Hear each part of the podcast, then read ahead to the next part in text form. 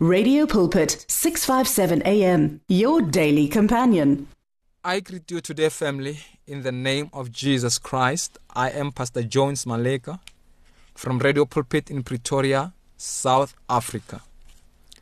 So, family, I would like to teach on this subject the condition of our heart. The condition of our heart. The Bible said there are one or two things God cannot do. One is He can't lie.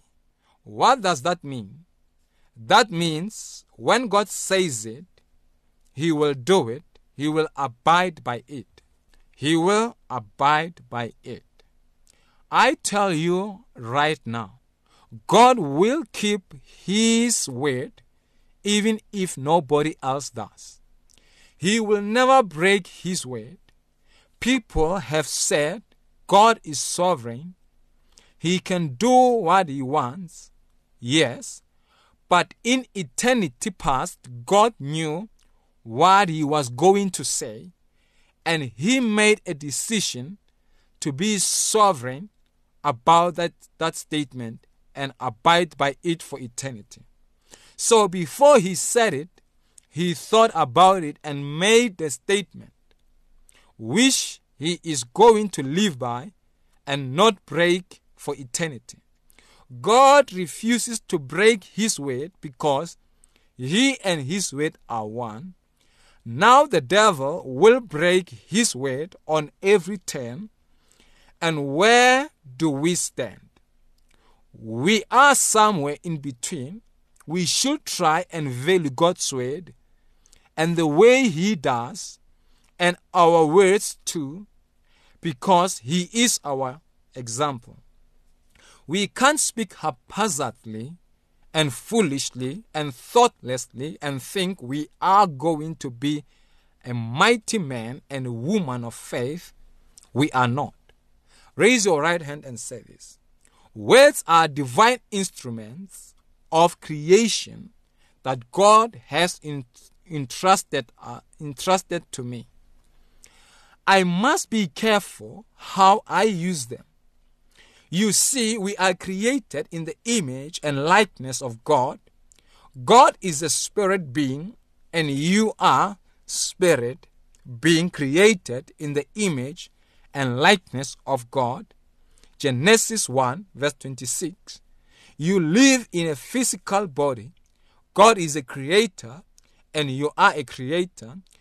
Only mankind was given the power to create.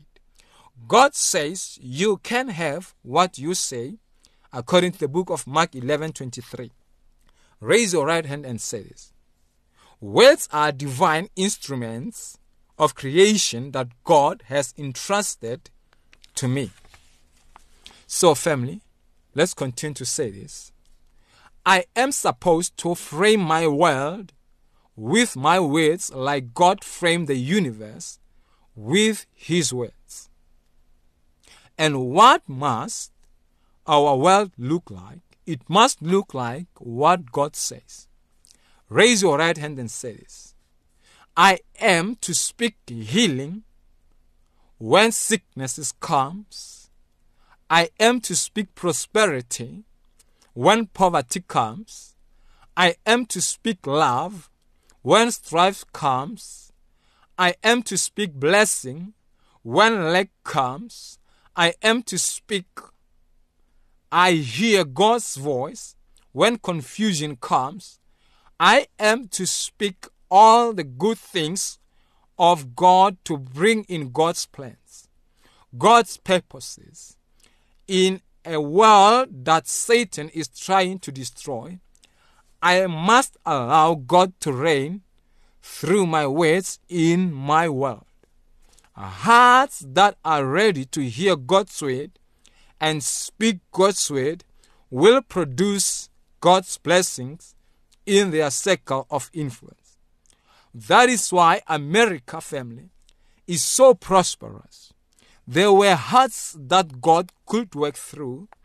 God cannot bless any nation or anyone unless he blesses through the heart of the man or woman by words spoken.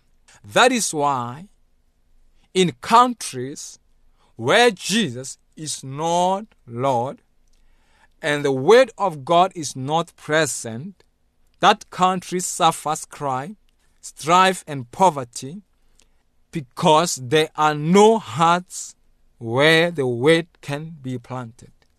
Hearts that are ready to hear God's word and speak God's word will produce God's blessings in their circle of influence.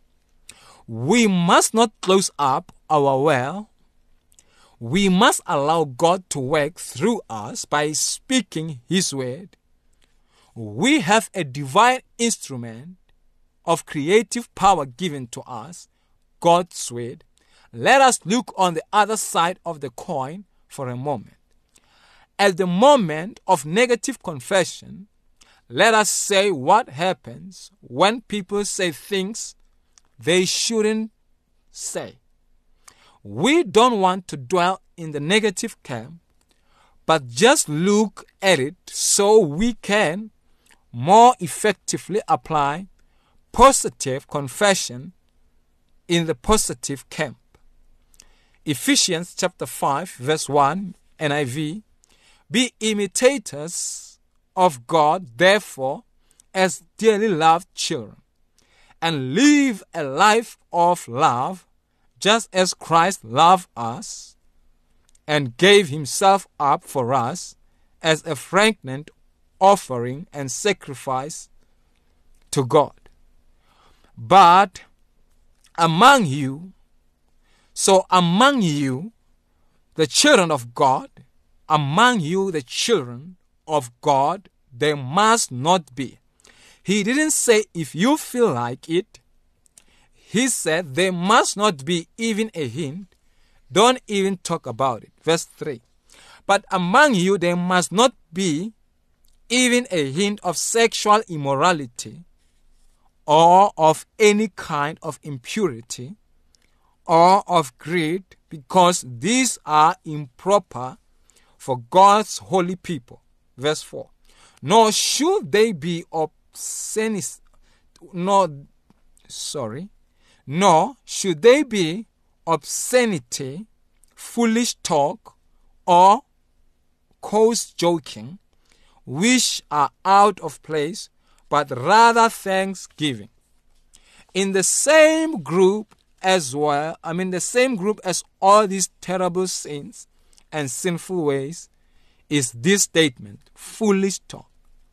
The world does not understand that foolish talk is as bad as these other things, but God sees it as bad.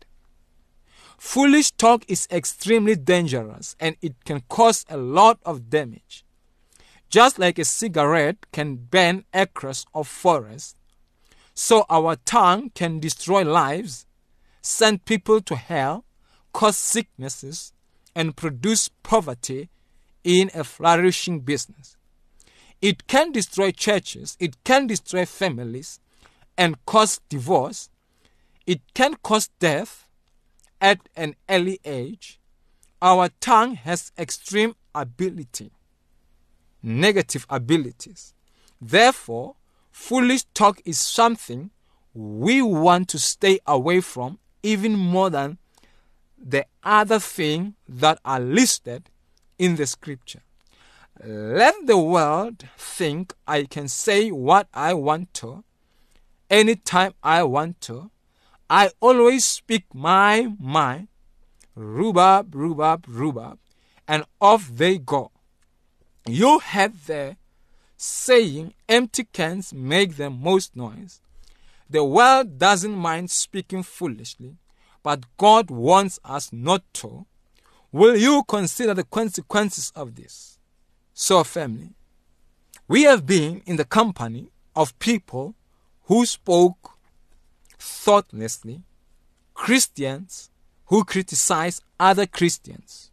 I can assure you I have sensed the Holy Spirit grieving at the moment and extreme pain entered my heart. People who spoke foolishly and jokingly and criticized say things they shouldn't say, seem to be obvious of the consequences of what they are doing to themselves and the head that they are bringing on themselves, we are to speak the word of God and we are to speak in line with the word of God. What the world considers to be acceptable conversation is often not acceptable to God. We are not to lower our standards to those around us. If we are going to walk in faith, we are going to have to stop it, to step it up and few notches. When it comes to watching our words, through the years, family, we have learned that the less Apostle Theo Wolmarans, my father in the faith, said that through the years, he has learned that the less he speak, the less he sing, the less he, the less he speak, the less the fewer mistake he made, and the less he had to repent of. We should think before we speak because we are planting seeds, and all those words go into our heart. James 1, verse 26, New King James Version. If anyone among you thinks he is a religious and does not bridle his tongue, but deceives his own heart, this one's religion is useless. James is writing to Christians under the inspiration of the Holy Ghost. He says, If there is any Christian among you who thinks who thinks he is religious or thinks he is good Christian, but doesn't bridle his tongue, he deceives his own heart. In other words, a person is not a good Christian if he doesn't control his tongue. A tongue that speaks carelessly will deceive the heart into error. There are Christian family who are deceived. They have deceived themselves to believe error, to believe incorrectly. We have to speak in line with the word. We have to, if we say things that are out of order with the word, we will start believing it. Our heart is the soil it's like soil, it will grow whatever we plant in it. If you plant carrots, you plant weeds, or plant weeds at the same time, both will grow. You would not know which is which for a time. You might pull up carrots by mistake. In the same way, we have to plant. If we, the same way, if we plant junk in our hearts, family, we are going to confuse our whole life. We can never walk in great faith when we are confused. Romans 12, verse 1. I beseech you, therefore, New King James Version, brethren, by the mercies of God, that you present your bodies as a living sacrifices, holy, acceptable to God, which is your reasonable service. So, family, our thinking is renewed, corrected by reading of the Word. Why? That you may prove what is good and acceptable and perfect will of God. So, family, raise your right hand and say this with me. Say, Thank you, Jesus, for your word. I believe you died for me on the cross and rose from the dead. On the third day, I'm born again. I'm spirit filled. Thank you, Lord Jesus. Holy Spirit, guide me in this journey. Congratulations, family. You are saved. Amen. The words of the Lord are words of life. Your heart is on 657 AM. 657 AM. Radio for believers in action.